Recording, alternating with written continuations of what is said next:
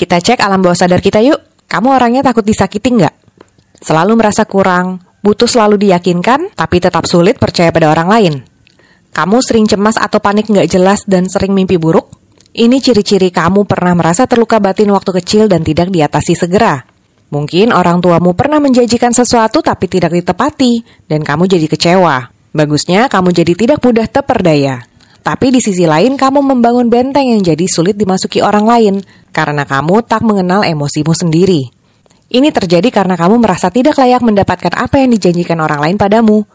Tanpa kamu sadari, energimu menarik orang yang juga merasa insecure, sehingga hubungan kalian akan jadi saling menyalahkan dan meributkan hal yang sebetulnya tidak ada. Karena kamu selalu cemburu buta atau curiga akan ditinggalkan. Kamu bisa sembuh dengan menarik fokus pada dirimu dan mencintai diri sendiri apa adanya.